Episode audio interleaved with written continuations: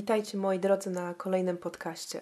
Dziękuję Wam za pozytywny odzew pod ostatnim, dość nietypowym odcinkiem, ponieważ zauważyłam, że wielu z Was współczuło nie tylko ofierze, czyli Brandowi, ale również samemu oprawcy, czyli Arminowi. I co więcej, uważaliście, że wyrok skazujący go na dożywocie jest zbyt wysoką karą i że wielu z Was nie miałoby problemu, aby Armin na przykład był Waszym sąsiadem.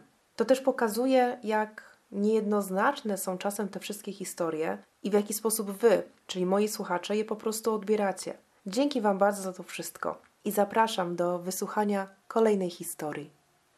Znacie na pewno taki zwrot jak historia jednego zdjęcia, które zostało bardzo często zrobione przez przypadek, przez nawet jakiegoś przypadkowego przechodnia, który okazywał się później fotografem czy dziennikarzem lub zwykłym przechodniem, który akurat miał przy sobie aparat fotograficzny. I na przestrzeni lat powstawało wiele ujmujących i trzymających za serce fotografii.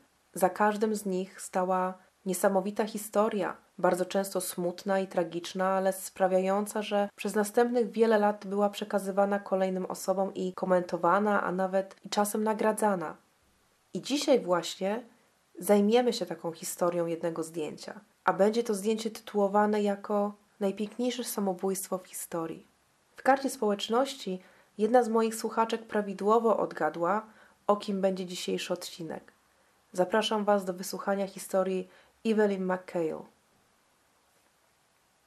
Evelyn Francis McHale urodziła się 20 września 1923 roku w Berkeley, Kalifornii jako szóste z siedmiorga dzieci Vincenta i Helen McHale. Jej ojciec był bardzo szanowanym i znanym bankierem, a gdy Evelyn miała 7 lat, w roku 1930 przyjął stanowisko Federal Farm Loan Board i wraz z całą rodziną przenieśli się do Waszyngtonu a następnie przyjął pracę w Nowym Jorku, zatem rodzina ponownie przeprowadziła się tym razem na wieś Tuckahoe w stanie Nowy Jork, gdzie Evelyn uczęszczała do Eastchester High School. Z tego, co udało się ustalić w źródłach, jej matka Helen prawdopodobnie chorowała na niezdiagnozowaną i przede wszystkim nieleczoną depresję, ponieważ lata 30. nie były okresem, gdzie no, w sposób prawidłowy leczono takie problemy natury psychicznej i niestety Doprowadziło to do trudności w relacjach między małżonkami. Zatem w roku 1940 ojciec Evelyn opuścił rodzinę, przeprowadzając się do St. Louis, gdzie został maklerem giełdowym. Ale po rozwodzie to właśnie Vincent otrzymał prawo do opieki nad małoletnimi dziećmi, w tym właśnie do Evelyn. Helen wróciła do Kalifornii, a Evelyn zamieszkała wraz z ojcem w St. Louis, gdzie uczęszczała do ostatniej klasy liceum Normandy High School. Wśród rówieśników miała opinię bardzo spokojnej, wyważonej, bystrej i inteligentnej dziewczyny. Zawsze umiała znaleźć temat do rozmów praktycznie z każdą osobą. Po ukończeniu szkoły, Abby, jak była nazywana pieszczotliwie wśród rodziny, dołączyła do korpusu Armii Kobiet w Jefferson, gdzie pracowała jako osoba obsługująca sekretariat i różne biurowe sprzęty. Wojnę spędziła w Jefferson Barracks, niedaleko St. Louis, ale nie wiązała swojej dalszej przyszłości z wojskiem i według źródeł po służbie, nie wiedzieć dlaczego, spaliła cały swój mundur. Pod koniec roku 1944 przeprowadziła się wraz z bratem i szwagierką do Baldwin na Long Island i podjęła tam pracę jako księgowa w firmie grawerskiej Kitab Engraving Company na Pearl Street w dzielnicy finansowej Manhattanu. Podczas imprezy sylwestrowej w roku 1945 poznała niejakiego Barry'ego Rhodesa, byłego nawigatora, byłego lotnika, który studiował inżynierię na Lafayette College w Easton w Pensylwanii. Para szybko zakochała się w sobie i zaczęła planować wspólną przyszłość. Mieli już nawet datę ślubu ustaloną na czerwiec 1947 roku w domu braci Barrego w Troy w stanie Nowy Jork. Ale niestety Niestety sprawy nie potoczyły się tak, jak miały się potoczyć. Latem 1946 roku brat Barrego, Perry, ożenił się, a Evelyn była druhną na ich ślubie. I po całej ceremonii, nie wiedzieć czemu, zerwała z siebie sukienkę, krzycząc, i tutaj cytat, nigdy więcej nie chcę tego widzieć. Ponoć sukienkę spaliła tak samo, jak swój mundur z korpusu. Późniejszych relacjach jej narzeczony tłumaczył m.in. reporterom, że Evelyn miała bardzo niską samoocenę odnośnie tego, że nie jest wystarczająco dobra, ładna i mądra, aby zostać jego żoną. Oczywiście Bary tysiąc razy wybijał jej to z głowy, ale w przypadku osoby, której sama ocena jest poniżej normy, takie słowa przynoszą raczej słaby, raczej mizerny efekt. 30 kwietnia 1947 roku Evelyn odwiedziła Barego w Easton, prawdopodobnie z okazji jego 24 urodzin, spędzając wspólnie czas, ciesząc się nadchodzącym ślubem, co też później skomentował Barry cytując: Kiedy ją pocałowałem na pożegnanie, była szczęśliwa i taka normalna, jak każda dziewczyna, która miała się pobrać. 1 maja Evelyn wsiadła w pociąg o godzinie 7 rano i wróciła z powrotem do Nowego Jorku. Przybyła na stację Penn około 10 rano, po czym przeszła przez ulicę do hotelu Clinton, gdzie napisała ostatni w swoim życiu list list pożegnalny. Następnie przeszła dwie przecznice na wschód, gdzie krótko przed 10.30 kupiła bilet na taras widokowy na 86. piętrze Empire State Building. I właśnie tam zakończyła swój krótki żywot, skacząc z 86. piętra. Patrolujący w tym czasie ruchem drogowym John Morrissey zauważył biały szal, który powoli opadał z górnych pięter budynku, a potem usłyszał ogromny trzask, ogromny huk. Evelyn wylądowała wprost na dach Cadillaca. Była to dokładnie limuzyna ONZ, zaparkowana na 34 ulicy, około 60 metrów na zachód od Fifth Avenue. Oczywiście natychmiast zaczęły gromadzić się tłumy wokół tej sceny i jak informował jeden z dzienników, kupujący na Piątej Alei byli przerażeni. Wśród osób, które znajdowały się w okolicy samochodu, był niejaki Robert Wiles, niegdyś taksówkarz, a teraz student fotografii, który wykonał najbardziej znane zdjęcie Evelyn. Zaledwie cztery minuty po jej śmierci, nazywane później najpiękniejszym samobójstwem. Upadek nie spowodował na pierwszy rzut oka żadnych obrażeń zewnętrznych, ponieważ dziewczyna wyglądała jakby spała. Miała spokojny wyraz twarzy, bez jakichkolwiek ran. Wciąż ściskała perłowy naszyjnik w białej rękawiczce, a upadek spowodował, że jej kostki delikatnie skrzyżowały się, a druga dłoń ułożyła się jakby ze zmęczenia nad głową Evelyn.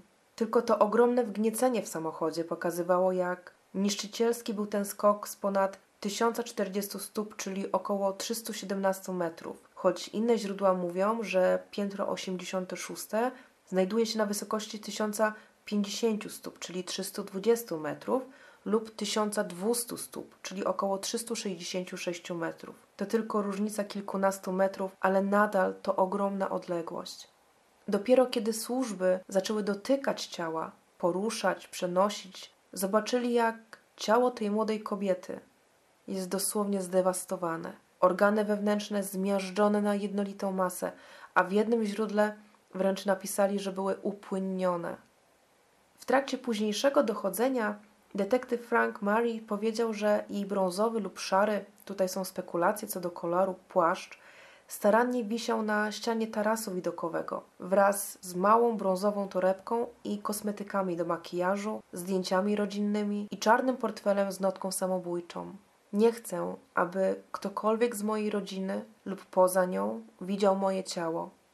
Czy możesz moje ciało skremować? Błagam Ciebie i moją rodzinę. Nie urządzajcie nabożeństw, ani nie wspominajcie mnie. Mój narzeczony poprosił, abym za niego wyszła w czerwcu, ale nie sądzę, żebym była dla niego dobrą żoną. Lepiej mu jest beze mnie. Powiedz mojemu ojcu, że mam zbyt wiele skłonności mojej matki.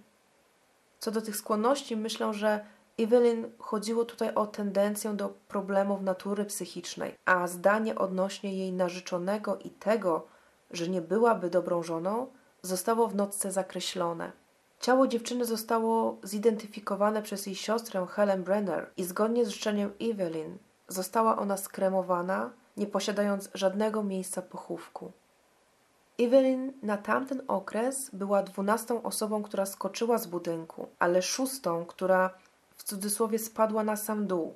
ponieważ wiele osób, które skakało, jakby to powiedzieć, lądowały na innych częściach samej konstrukcji budynku.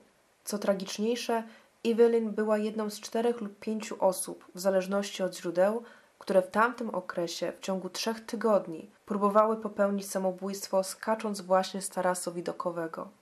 I w odpowiedzi na te wszystkie próby samobójcze zainstalowano 10-metrowe ogrodzenie z drucianej siatki i przeszkolono strażników, aby potrafili w porę wykryć potencjalne osoby, które mogłyby chcieć wdrapać się na siatkę i zeskoczyć. Niestety siatka nie pomagała w 100% zatrzymać samobójców, ponieważ przenieśli się oni do innych części budynku i na przykład wyskakiwali z okien biurowych.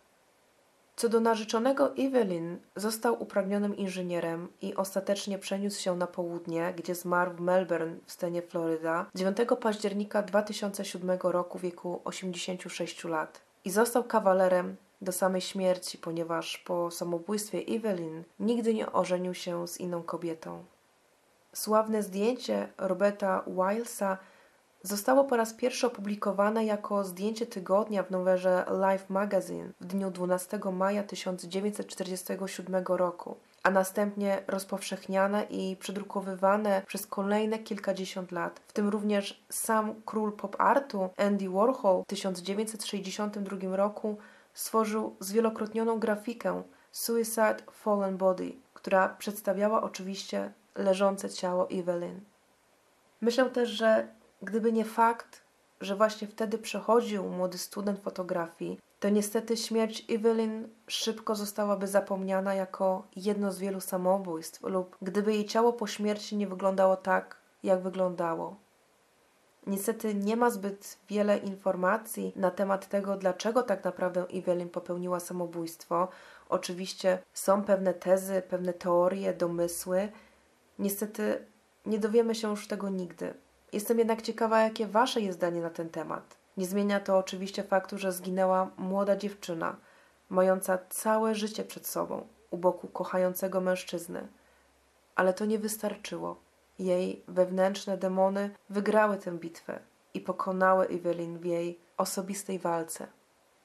Niestety życzenie również, aby nie rozpamiętywać Evelyn, nigdy się nie spełniło. Od ponad 70 lat ludzie wciąż o niej pamiętają i o jej w cudzysłowie najpiękniejszym samobójstwie, uznawanym nawet za bardzo romantyczne i poetyczne, choć jak dla mnie nie ma tu za grosz romantyczności, tylko tragedia wielu osób, nie tylko samej Evelyn. Dziękuję moi drodzy za wysłuchanie dzisiejszego odcinka. Wiem, że sprawa może nie była zbyt długa, powiedziałabym wręcz bardzo krótka, ale temat bardzo mi bliski, ponieważ pamiętajcie, że wszelkie depresje, zaburzenia psychiczne, nerwice, gady, OCD to wszystko są ciężkie choroby, śmiertelne choroby. Sama walczę, sama walczę z różnymi paskudztwami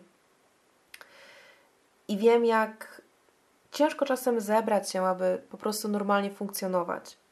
Dziękuję Wam również za dzielenie się Waszymi problemami w komentarzach i wiadomościach. Myślę, że potrzeba wiele odwagi, aby mówić o takich sprawach otwarcie. Ja jeszcze aż tak odważna nie jestem, więc dla Was chylę czoła i dziękuję.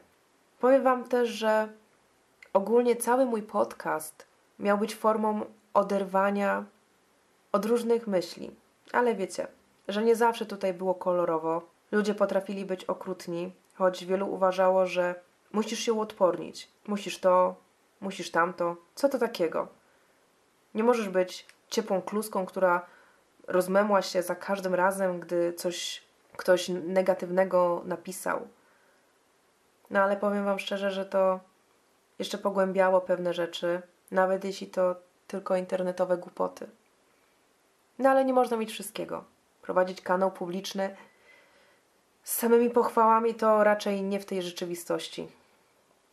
Ale powiem Wam, że wiele czasu potrzebuję później, aby jakby to ująć, aby przetrawić pewne rzeczy, aby zebrać na nowo siłę do pracy nad kolejnym podcastem i kosztuje to cholerne gigatony energii. Choć zapewne 90% z Was wydaje się, że to to zupełnie abstrakcyjne.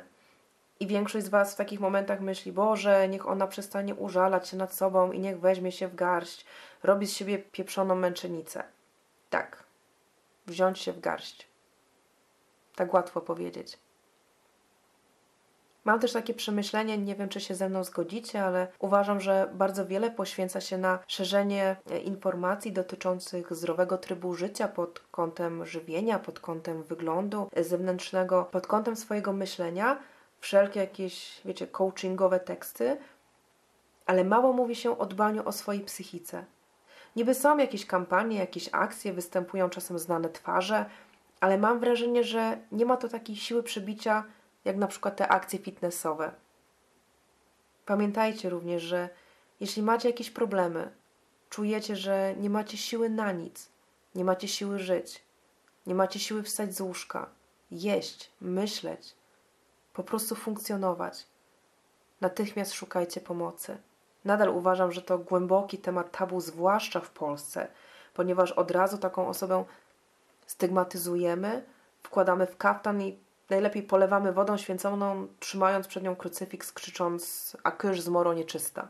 Pamiętajcie również, że nie zawsze problemy spowodowane są jakimś traumatycznym dzieciństwem, jakąś szczególną sytuacją czy problemami w życiu dorosłym. Jest wiele innych czynników dzisiejszego świata, świata, który pędzi, nie oglądając się za siebie. Więc jeśli czujecie, że musicie z kimś porozmawiać, a nie zawsze czujecie lub możecie zwierzyć się komuś bliskiemu, lub niektórzy mają tak, że łatwiej im się otworzy przed obcymi, przez telefon lub pisząc wiadomość, to w opisie zostawię Wam kilka namiarów, tak zwanych numerów alarmowych dla osób, które są w ciężkiej sytuacji psychicznej, które są na krawędzi lub chcą popełnić ten ostateczny krok. Są strony jak na przykład liniawsparcia.pl, która pomaga 24 godziny na dobę, 7 dni w tygodniu, czy numer 116 111, czyli telefon zaufania dla dzieci i młodzieży. O ile się nie mylę, najstarszy tego typu numer w Polsce. I pamiętajcie, nie jesteście sami, choć w wielu momentach tak Wam się wydaje i wręcz jesteście o tym przekonani, ale nie jesteście sami. Nigdy.